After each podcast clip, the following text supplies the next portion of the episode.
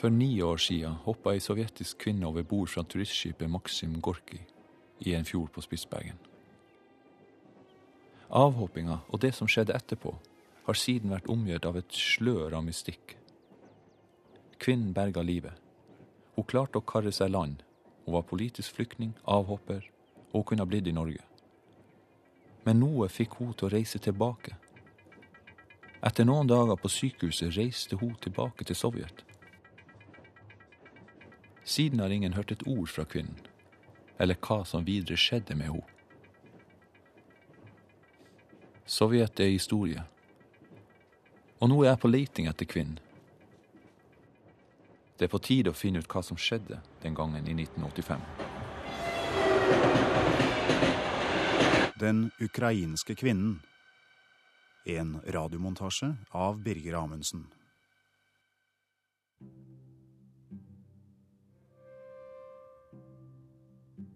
Kastet ble jeg ut på havet. I en fjord pisket opp av nordavinden. Den førte meg stønnende med seg på kryss og tvers. Nordavinden og strømmene klarte ikke å knekke min vilje.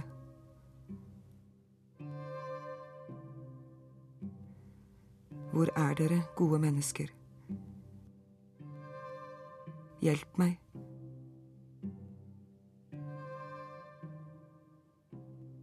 Hva skulle jeg gjøre nå? Alt rundt meg var fremmed og ukjent. Det var en sein kveld i slutten av juli 1985. Ingen oppdaga hva som skjedde. Ingen hørte plaske. Turistskipet Maxim Gorki fortsatte utover Isfjorden og videre sørover.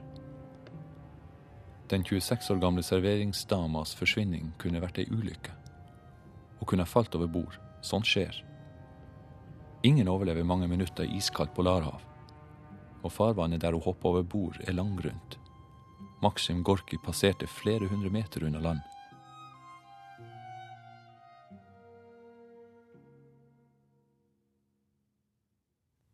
Utslitt og skadd famlet jeg rundt på det gudsforlatte stedet. Alt rundt meg var fremmed og ukjent. Kvinnen kara seg i land på en steinete odde ved foten av et fjell. Hun traska barbeint langs sjøen og kom etter ei tid frem til ei hytte med et lite tilbygg. Hadde hun brutt seg inn i hytta, ville hun oppdage at den var utstyrt med mat, brensel og varme sengeklær. Men kvinnen slo seg til i annekset, som sto åpent og tomt. Hun ble værende der i flere døgn uten at noen oppdaga det, for avhopping var ømtålig for Sovjet. Særlig på Svalbard, hvor norske og sovjetiske kullbyer så å si ligger side om side, uten fysiske sperrer. Derfor ble norske myndigheter aldri varsla om den savna serveringsdama, mens sovjeterne på si side så diskré som mulig gjorde sine undersøkelser langs land. I mellomtida lå kvinnen utmatta og forfrossen i det lille uthuset, smurte seg inn med tykk motorolje for å holde kulda unna, og heiste et trøtt sengelaken i flaggstanga for å påkalle oppmerksomhet. Herre min Gud, forlat meg ikke i denne ville ein.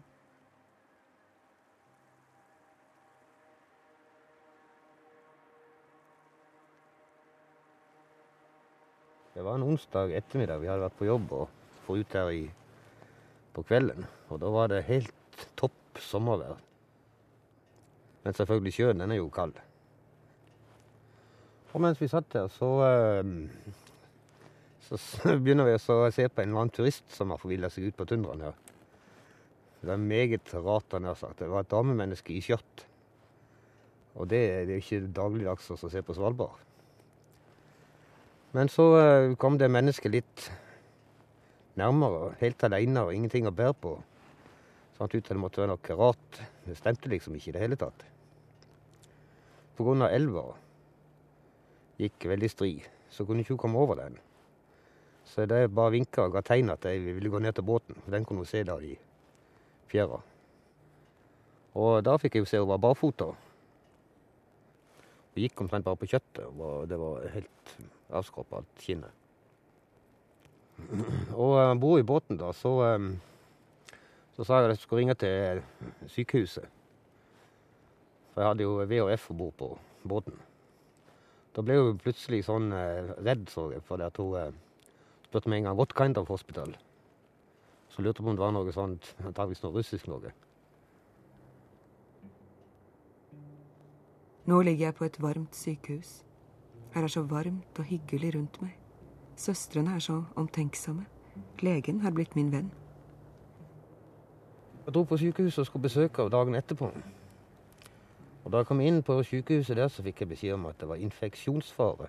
Jeg kunne ikke gå inn. Men jeg visste nå det var ikke noe infeksjonsfare, for det, måtte være noen andre ting. Kåre Moi ingeniør hos Store Norske Spitsbergen Kullkompani. Men jeg slapp nå inn. Og så eh, for jeg kjøpte ei ny, rimelig klokke til. Men da fikk jeg ikke lov til å besøke henne.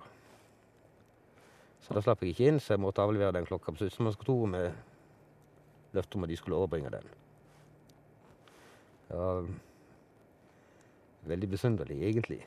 På sykehuset ble kvinnen avhørt av sysselmannen og fortalt at hun kunne få politisk asyl. Hun kunne få bli her i landet, om hun ønska det. Hun var heller ikke den første sovjeter som hadde hoppa av på Svalbard. Hver gang det skjedde, oppsto politiske spenninger mellom Sovjet og Norge. Norske myndigheter ønska å få avhoppere fortest mulig bort fra Svalbard, ned til fastlandet Oslo, til avhør. Det skjedde ikke med serveringsdama fra Maxim Gorki. En dag troppa den sovjetiske konsulen fra Barentsburg opp på sykehuset i Longyearbyen. Og selv om sysselmannens tolk hele tida var til stede, slik at kvinnen ikke skulle bli utsatt for press, fikk besøket store konsekvenser. Ryktet sier at hun fikk et brev fra mor si. Men det brevet det kom i så fall alvorlig fort, så det må ha blitt sendt med KGB-posten. KGB var jo aktiv den gangen. Og det ryktet der, det skulle ikke jeg vite noe om heller. Men det er nå så. Og hva som sto i brevet, det vet jeg ikke, men det kan man tenke seg når KGB sender brev. Det var jo faktisk sånne spekulasjoner på om hun kunne være planta KGB-agent. I og med at uh, hun skal egentlig ikke klare å overleve den svømmeturen i det kalde vannet. Vi må kunne mye og klare alt. Men vi må ikke tillate oss å kaste oss blindt ned foran skjebnens føtter. Herre min Gud, forlat meg ikke i denne ville ein.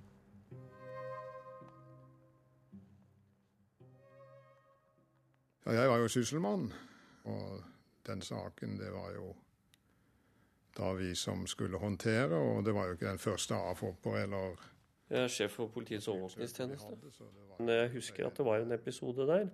Og dette er jo ikke noe eh, uvanlig i forhold til såkalt Det nyttet jo fint lite å spekulere på saken i og for seg når hun var reist. Så Fra norsk reist. side så hadde man jo en, en, en ganske avslappet forhold til dette. Så jeg vil ikke dramatisere dette på noen som helst måte, snarere tvert imot. Jeg vil si at det var forventet at Så mye å spekulere på, bortsett fra det det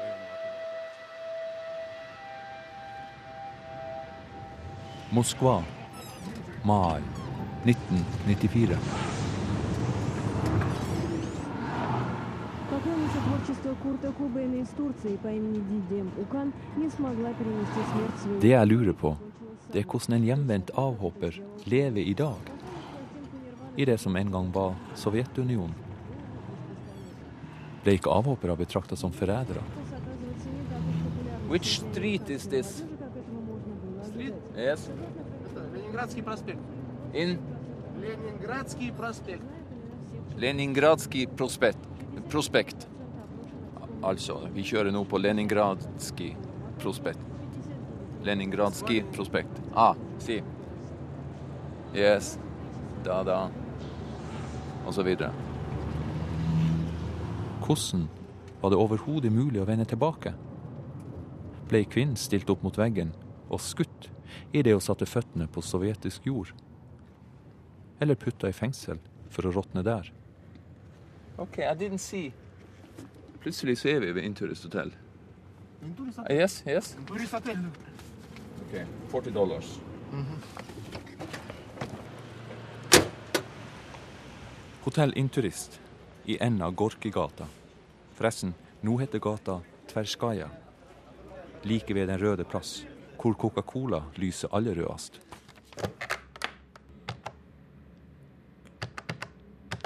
Jeg har en gammel kjenning i Moskva, Andrej Pritsepov, som jeg håper kan hjelpe meg å komme på sporet av kvinnen. Tidligere så jobba Andrej som sekretær hos den sovjetiske konsulen på Svalbard. Det var da vi møtte hverandre. Hallo? Er det du, Andrej? Ja, hei, du.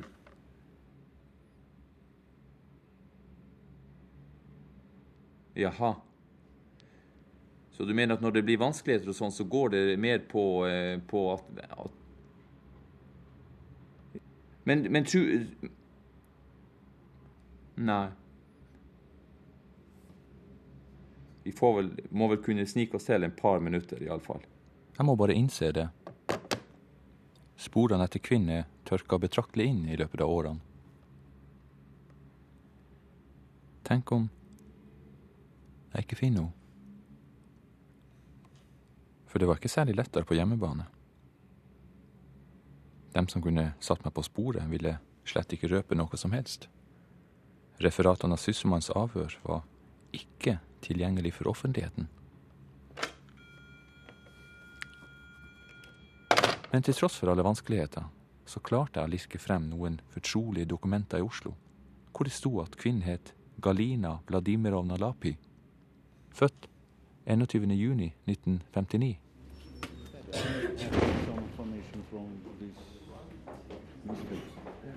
Utenriksdepartementet er et klassisk stalinistisk monumentalbygg midt i Moskva sentrum.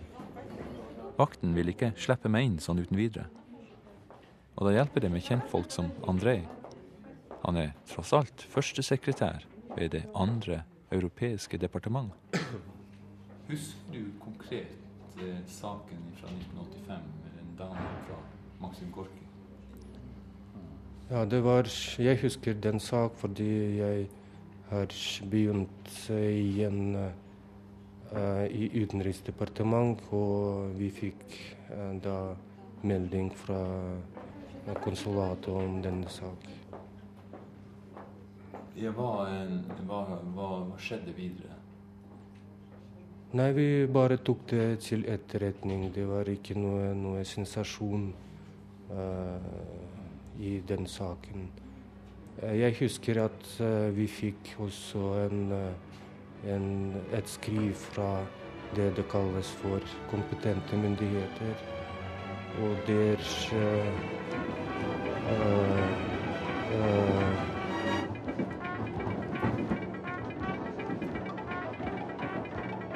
Via mange omveier i Moskva så fikk jeg vite at kvinnen den gangen for ni år siden hadde oppgitt byen Nikopol i Ukraina som bopel. Adressen var ikke mulig å spore opp, heller ikke telefonnummeret.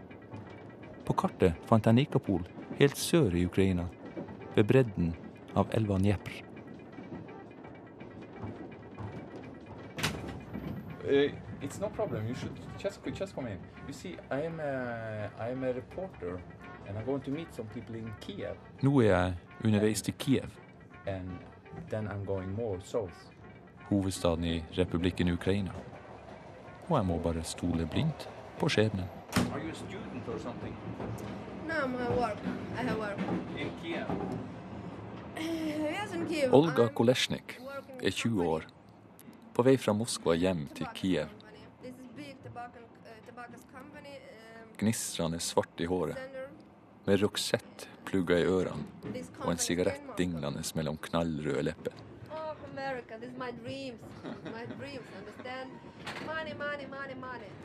Olga jobber i et tobakksfirma og tjener godt etter ukrainske forhold, uten å være fornøyd. Iført svart, kort skjørt og svart jakke med skinnende blanke knapper. Can you see? But you, I mean, when I see you now, what kind of cigarettes are you smoking? Oh, this is good life.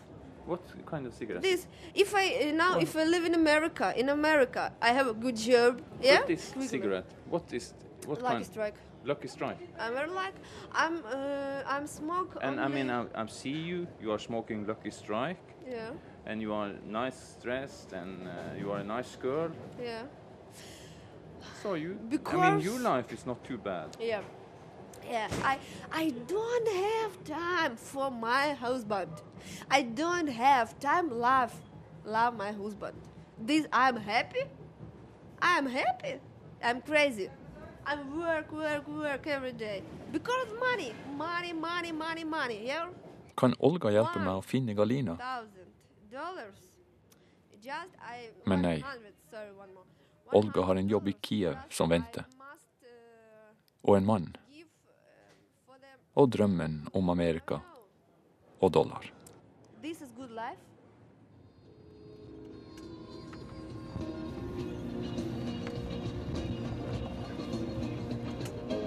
Kiev. Byen er inntatt av Marlboro og Pepsi Cola. Coca-Cola er knapt å se. Ukraina er i alvorlig krise. Alt peker nedover. Folk lever tarvelig. Ingen smil, ingen latter. Kiev er prega av småhandlere. Kjerringer med litt frukt, tyggegummi og noen sigarettpakker på en tomkasse foran seg. Krumme rygger. Trette drag i ansiktene. Resignerte. Mens en og annen nyrik feier forbi sin Mercedes eller BMW. Jeg er passasjer i en hvit Chevrolet. You bought this um, this car in in uh, America? Yes. Yes. Very expensive.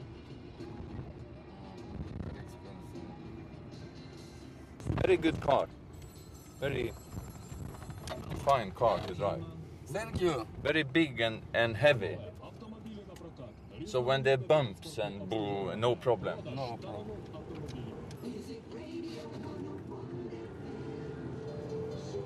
Bilen duver som ei flåte, mykt, i retning den norske ambassaden. Sjåføren forlangte ti dollar, like mye som en gjennomsnitts månedslønn.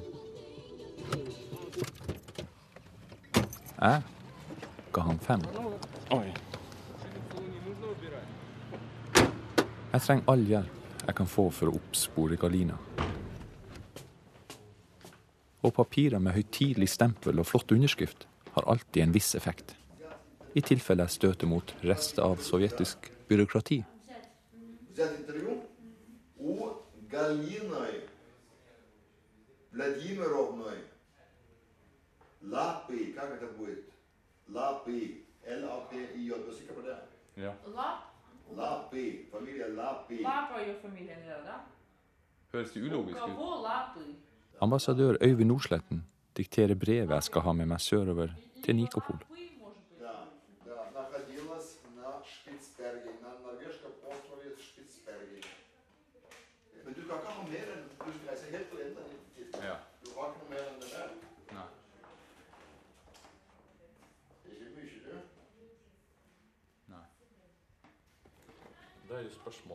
Ser der. Mm. Men du har ingen direkte adresse, så vidt jeg kan se her. Du har et telefonnummer? Nei, dette er et annet telefonnummer. Jeg har ingen, det er helt riktig, jeg har ikke noe direkte adresse. Nei. Eh, det som kanskje kan være en innfallsport, det er eh, å gå til eh, det som tilsvarer eh, folkeregisteret i Norge. Eh, og eh, spørre deg før der. Det kan i alle fall kanskje i alle fall sette deg på sporet. Men det kreves det igjen eh, at eh, folkeregisteret er eh, vennlig stemt overfor en utlending som kommer i et slikt oppdrag. Og det er vel kanskje knappast noe som en kan ta for gitt.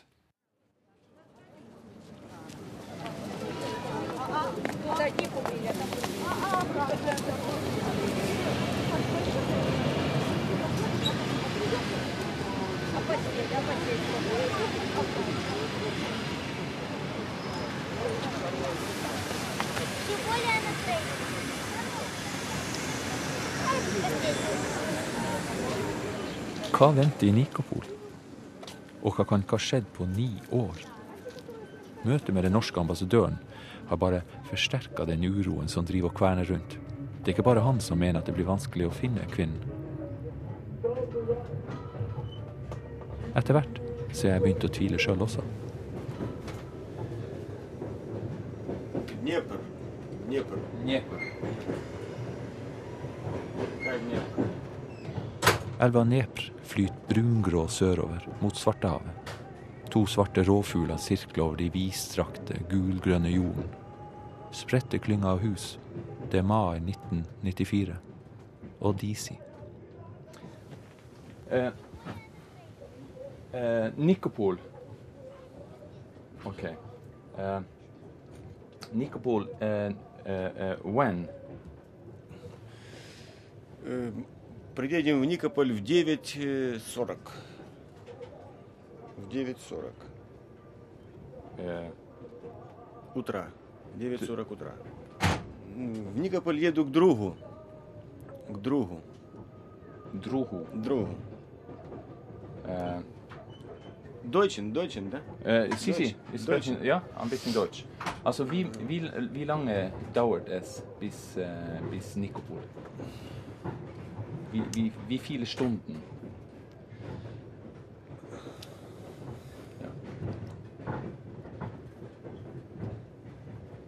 Ja. Um, do you know Okay, I'll show you something. Kommer det store frågan. Første forsøk.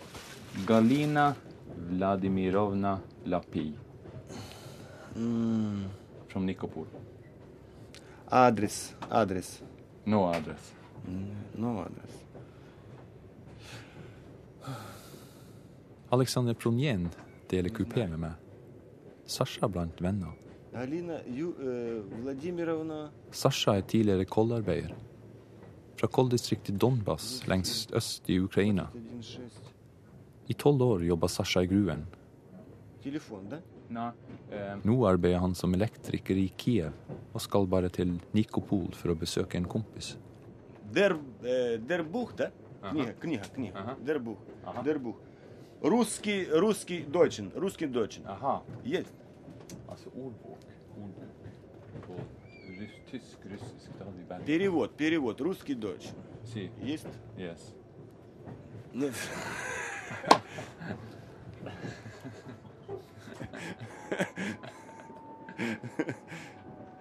Ah. Их, э, их Mutter, их Mutter sprechen sie Deutsch. Sprechen sie Deutsch. Deine Mutter. Их, их Mutter, Ja. их Mutter, sprechen sie Deutsch. Их Mutter, Гитлер, Германия.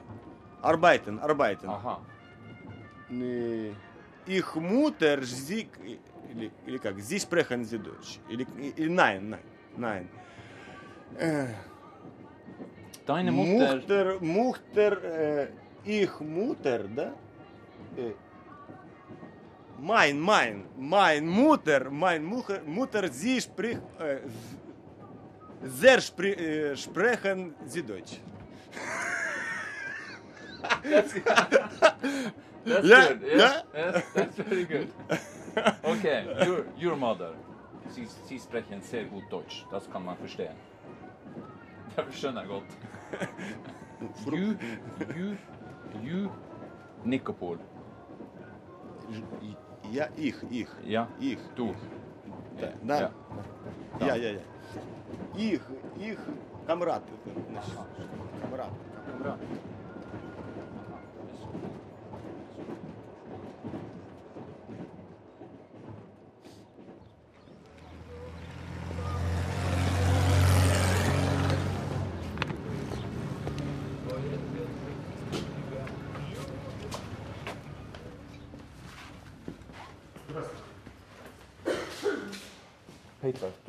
Paper. будет? Что за него вот это находится? Какая фирма там, допустим, ну как, ну музей, горисполком. Кто-то ж должен его встретить. ну, как Sasha vil обычно, hjelpe meg å få приезжают, hotell. Возят, водят. Normalt burde det være Ну, enkelt, это виза. særlig siden Ukraina regner seg som et uavhengig land, med et visst demokrati. Владимир Владимировна Лапы. Лап. Dama bak disken i det shabby, nedslitte hotell Nikopol ble bestyrta over at en vilt fremmed ankom sånn uten videre. uten invitasjon.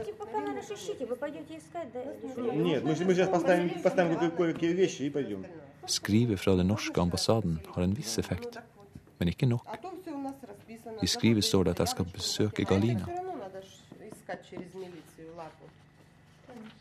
Sasha forsøker å roe situasjonen. Jeg er en sensasjon, tydeligvis. En mystisk fremmed. Damens skule mistroiske. Ну, милиция, конечно, Ja. вот, найти надо. Где ж она? Это ж Den er милиция Galina должна du skal знать. besøke.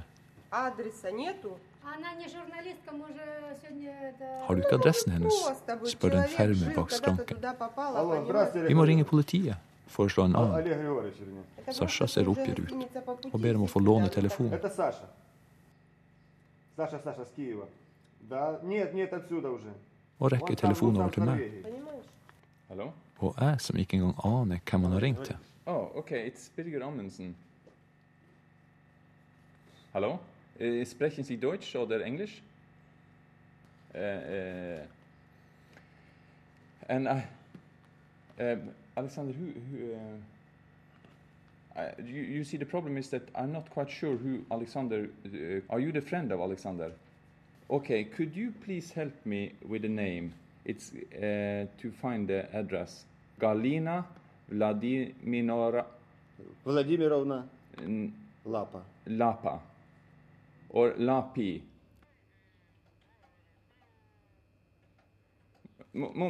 Момент, Петя, момент. Да-да. Галина Лапа. Галина Владимировна Лапа. Минут через пять, хорошо.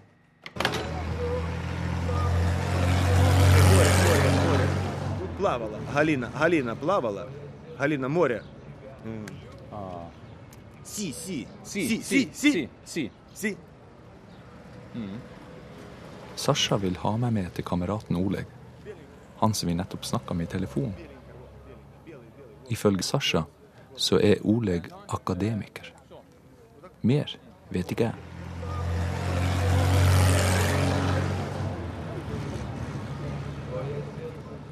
Nikopol er vanskelig å favne. Byen bare flyter utover i det flate landskapet. Blokker på fire-fem etasjer langs de snorrette hovedveiene.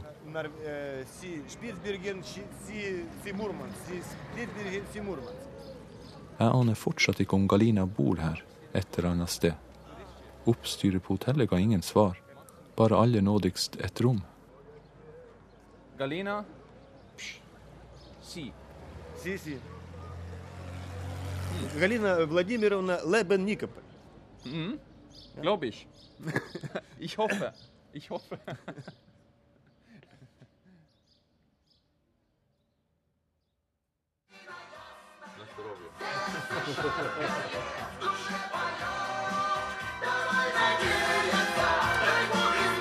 У нас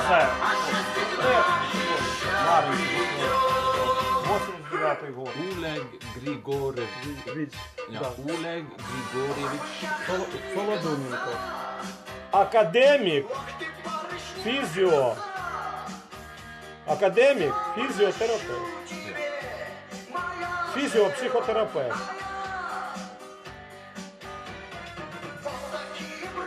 Сюда сложи. Yes, thank you. I, I work, I work. Гипноз, психотерапия, алкоголизм, наркомания. Oleg har mange bilder av seg sjøl rundt om på veggene i det lille huset sitt. Overrekker ett til meg, signert, hvor han er kledd i hvitt. Med en hvit hatt på hodet som mer minner om ei kokkelue. Uh, I, mm, I... Oleg er psykoterapeut. Hypnotisør. I, uh, and I uh, Situasjonen er underlig. help you. Galina, Galina, help you. Tilfeldigheter leder meg til Oleg Solodunenko, og så viser det seg at han vet av Galina. Galina henvendte seg til Oleg for fem-seks år siden og ba om hjelp. Inntil da hadde både KGB, politiet og psykiatere vært inne i bildet. Men Oleg vil ikke si noe. Om det er pga. lojalitet til Galina, fagetikk, eller at han ikke vet mer om henne, er ikke godt å si. Men Oleg husker som noenlunde hvor hun bodde. Den gangen for fem-seks år siden.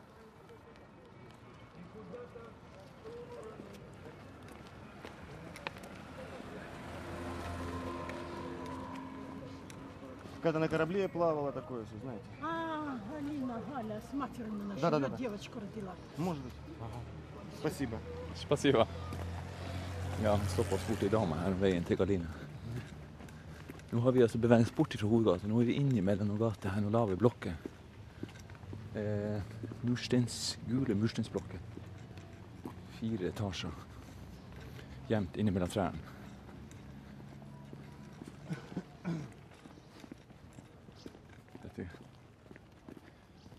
Instruere Alexander litt. Kan ikke komme styrtende inn. to. Alexander, Sasha altså, har tatt over føringa. Raser av gårde. Jeg holder på å miste kontrollen med prosjektet mitt. Alexander, moment. Moment. Yes. When we are coming to uh, Galina, don't uh, uh, ambition, man kan sagen nicht Spitzbergen. Uh, Alexander, uh, ambition, wir, wir muss ein bisschen sowas mit Galina. Ja, ja, nicht, nicht sagen, ah, Spitzbergen. Okay, går inn her.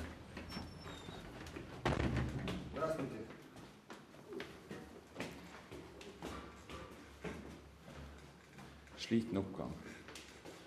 Veggene, blåmat. Ah.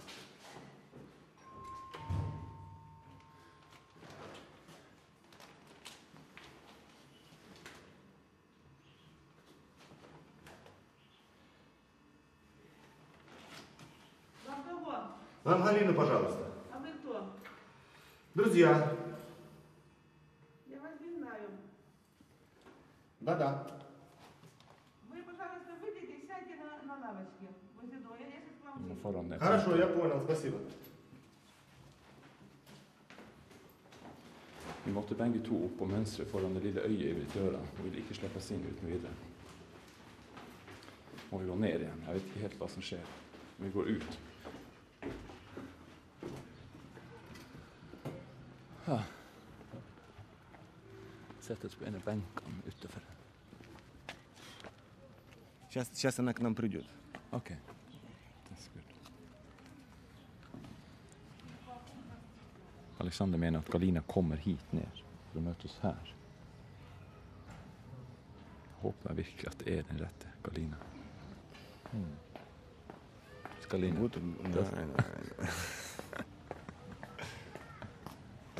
Den dama som går forbi her. Ja. Mm. Mm. Godt. Godt. Se. Men det var slett ikke en Galina. Det var en atskillig yngre utgave.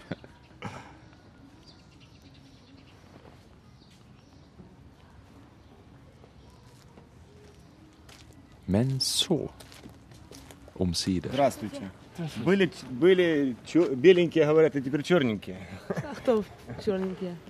Um, my name is uh, Birger Amundsen. Би- Бирген. Бирген? Биргер. Birger. Меня Birger. Галина зовут. Hallo. Галина. Ja. А что это у вас такое? Uh, no, das ist ein... Uh, Кинокамера? Нет, Nein, это, это nein. микрофон. Nog Ah, een microfoon. microfoon. Eh, Galina, ehm, in, in, eh, in 1985, eh, was you on Spitsbergen? Спицберген, да. Да? Да. В 78 Да. году? А, 80, Э, 80... э, в 85 году. 80, 85 year. 185 five year. yeah. Spitz- Spitsbergen. I have a, a, a greeting from to you. Gre- Greenpeace. No, greeting Kristin. from Kåre. You remember Kåre? He buy you a watch.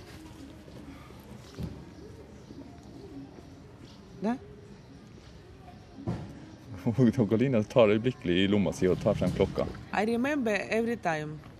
Uh, ship swimming, swimming.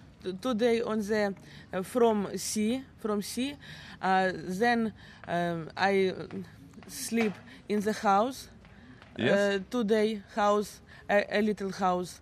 Uh, then uh, one- a young, young man, young man, Eh, På en benk i en fjern liten industriby i Ukraina. Kvinnen fra Maxim Gorki. Klokka hun fikk av Kåre Moi for ni år siden, går ikke lenger. Men hun har den alltid med seg. Uh, what, what you do in the national Nikopol? Krim, mm -hmm. but I wanted to see you Krim. Now this uh, Walker, yeah. No, no, no. This is this is because I am a journalist. Uh, now, now Voka, Uh, now. uh, yes, yes, yes, yes, yes. O- Yeah, o- yeah, open yeah, now. Yeah, yeah, yes. Hmm? Yeah, yeah, yes, yes, of course. Why? I don't Yeah. want. No, because Galina, what I want to do, not today, but can we can we meet tomorrow? Can I meet you tomorrow? Can you can Can I meet you and talk with you tom- tomorrow? tomorrow? Yes. Tomorrow you you want you want uh, tomorrow go in the, my house Yeah, and speak with you. and speak with me. Yeah. Um, how we we speak? I am speak English a little. Uh, I understand a little.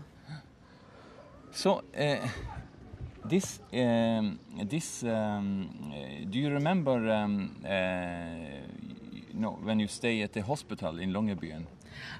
Uh, only Spitsbergen and my doctor and uh, uh, сестры, ho- hospital woman, вот, and uh, стихотворение.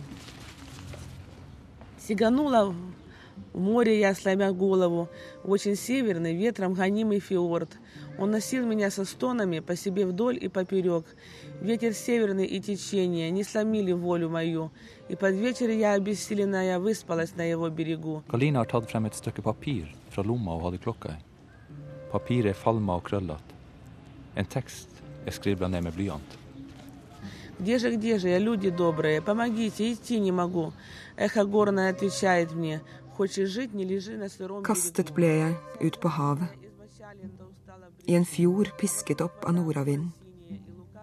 Den førte meg stønnende med seg på kryss og tvers. Nordavinden og strømmene klarte ikke å knekke min vilje. Om kvelden sov jeg kraftløs ut på dens bredder. Hvor er dere, gode mennesker? Utslitt og skadd famlet jeg rundt på det gudsforlatte stedet. Rundt meg var fjellene blå og naturen lunefull. Hva skulle jeg gjøre nå? Alt rundt meg var fremmed og ukjent.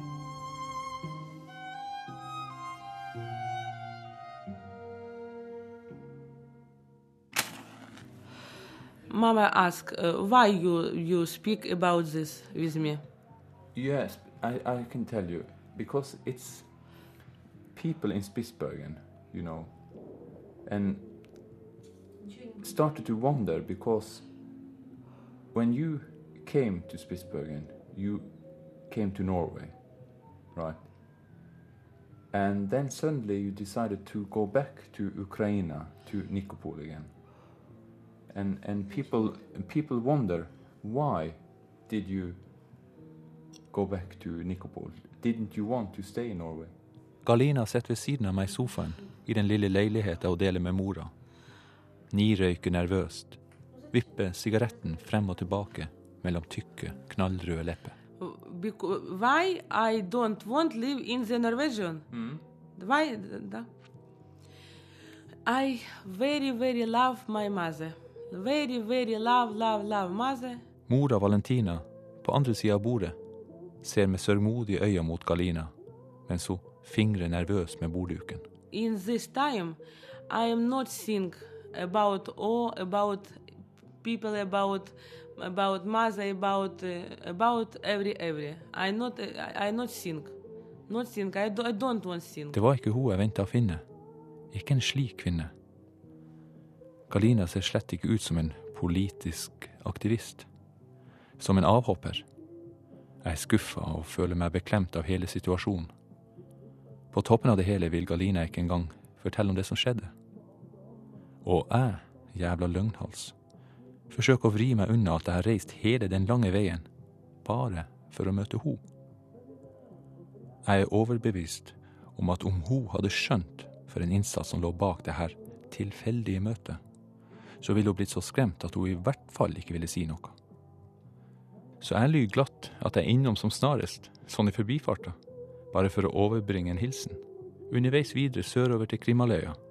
der hvor russerne og ukrainerne driver og krangler om hvem som eier Svartdalslåta. What is it? What is it? No, it's just a mere... I don't want. I don't want. Послезавтра утром. But Galina, yes. No, no, it's uh, okay. It's good, very good. Galina, tell me one thing. Uh, when you did jump from the ship, uh, why? This is very difficult.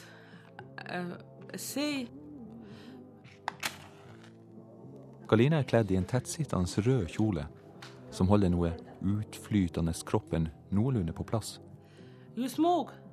Rundt om på veggene henger bilder av en yngre Galina. Fra hun som 19-åring første gang mønstra om bord i et turistskip.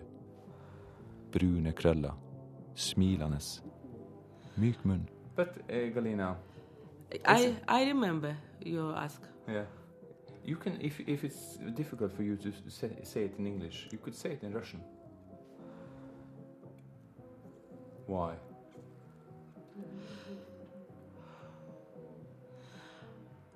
Так хорошо, что мне говорить?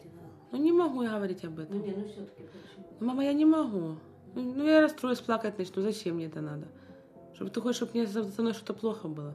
Galina vil ikke fortelle. Mora Valentina prøver tydeligvis å overtale datteren, men det nytter ikke. Нет. Så gjør mora tegn på at hun vil fortelle hva som skjedde. Men det er vanskelig for hun å komme i gang.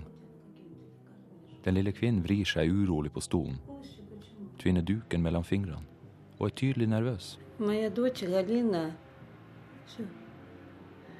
когда вернулась э, с Норвегии в Москву, в больницу, мне э, при- приехали с Одессы, сказали, что ваша дочь лежит в больнице. Я тогда поехала к ней. Когда я увидела, ее везут на, на коляске. De ville ikke fortelle meg hva som hadde hendt min datter. Я сказала, ты живая? Jeg fikk vite at hun var blitt sendt fra Norge, Она пролежала at hun lå på там sykehus i Moskva. неделю, и я ее забрала в- Mer fikk jeg ikke vite, в больницу. bare at hun var syk og var innlagt på et sykehus i Moskva. Пролежала она там Men jeg forsto at hun hadde vært utsatt for noe alvorlig, så jeg var bare glad hun var i live. Jeg reiste til dette sykehuset i Moskva og fant Galina sittende i rullestol. Jeg gråt da jeg så min kjære datter. Gråt og spurte om hun var i live. Legen sa min datter var sterk. Han sa at selv ikke den sterkeste mann ville overlevd. Alle dør i slikt isvann. Galina fortalte at bølgene kastet henne opp på land og at det reddet henne. Hun ble liggende på sykehuset en uke. Så tok jeg henne med til Odessa, til et sykehus hvor hun ble værende en hel måned. Deretter tok jeg henne med meg hjem, hit til Nikopol. Beina hennes var iskalde. Hele den vinteren gikk.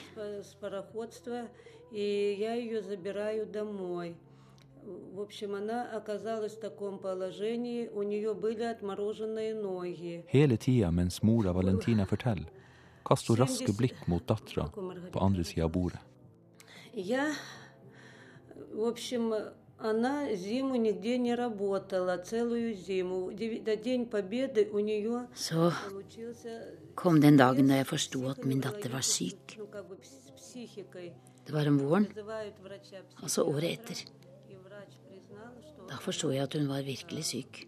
больная, в общем, у Det var seiersdagen, психический 9. mai. стресс. И до День Победы Da var Galina nervøs og stresset. стресс психоневрологический, ну как бы с психикой, к памяти, кто сказать. Я вышла Она Når mora nøler, klarer ikke Galina lenger å holde seg i ro.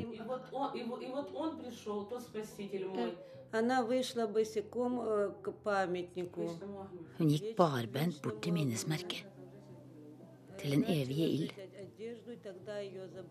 Så begynte hun å brenne klærne sine. Det var da hun ble hentet.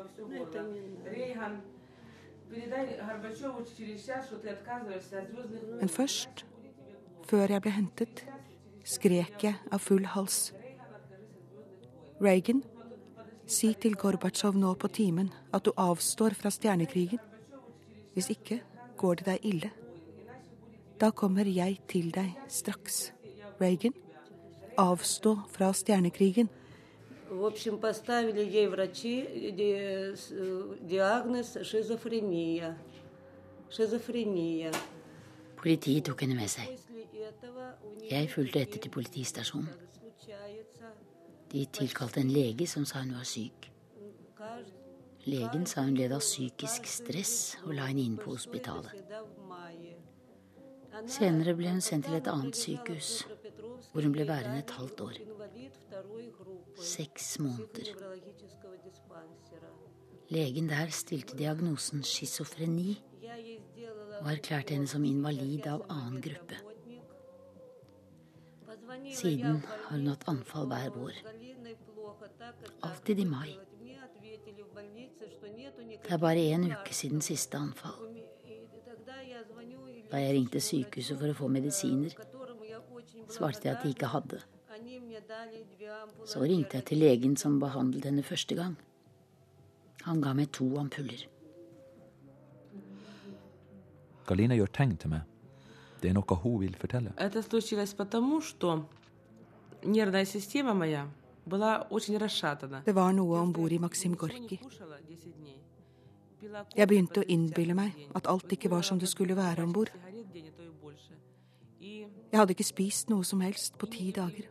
Jeg drakk minst 30 kopper kaffe om dagen og røykte to-tre pakker sigaretter, eller mer, hver dag. э, то, чего не было, может быть, на Om natta sov jeg ikke. Til slutt holdt jeg ikke ut lenger. Jeg bare måtte bort fra skipet. Derfor gikk det slik. Я еще раз повторю, потому что мне, как матери, это очень тяжело. Я много проливаю слез, глядя на ее страдания, на ее такие мучения. For meg som mor er dette svært tungt. Jeg gråter når jeg ser hvordan hun lider. Av hele mitt hjerte vil jeg takke de som hjalp henne, særlig den unge mannen som tok henne med i båten sin. Men jeg har også en bønn. Hjelp henne hvis dere kan. Hjelp henne med medisiner eller behandling. Hjelp henne så hun kan komme ut av denne håpløse situasjonen. Vi har ingenting. Ingenting. Det er blitt sen kveld. Galina er stressa. Ansiktet blankt av svette. Mora har ikke mer å si. Galina røyker uavbrutt, reiser seg, slår av kassettspilleren og begynner å trave rundt i den lille stua. Jakob Michael Jackson. Et øyeblikk så tror jeg det er tørna for dama. Men nei, det er bare Galina som viser hvordan hun en gang, under et av mange sykehusopphold, jaga rundt og møtte både Michael Jackson og Romanias tidligere president Ceaucescu.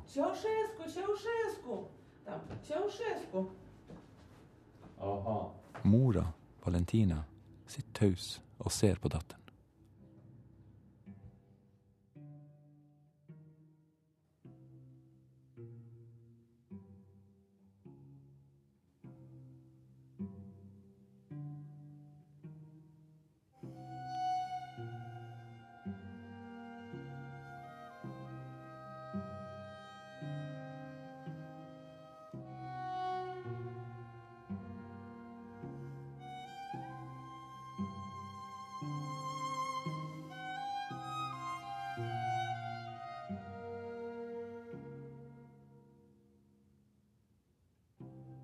Herre min Gud.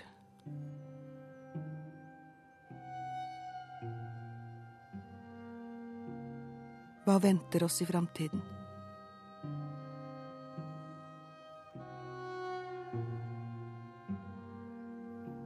Sorg eller ulykke? Eller lykke i stjernene? Det var alt.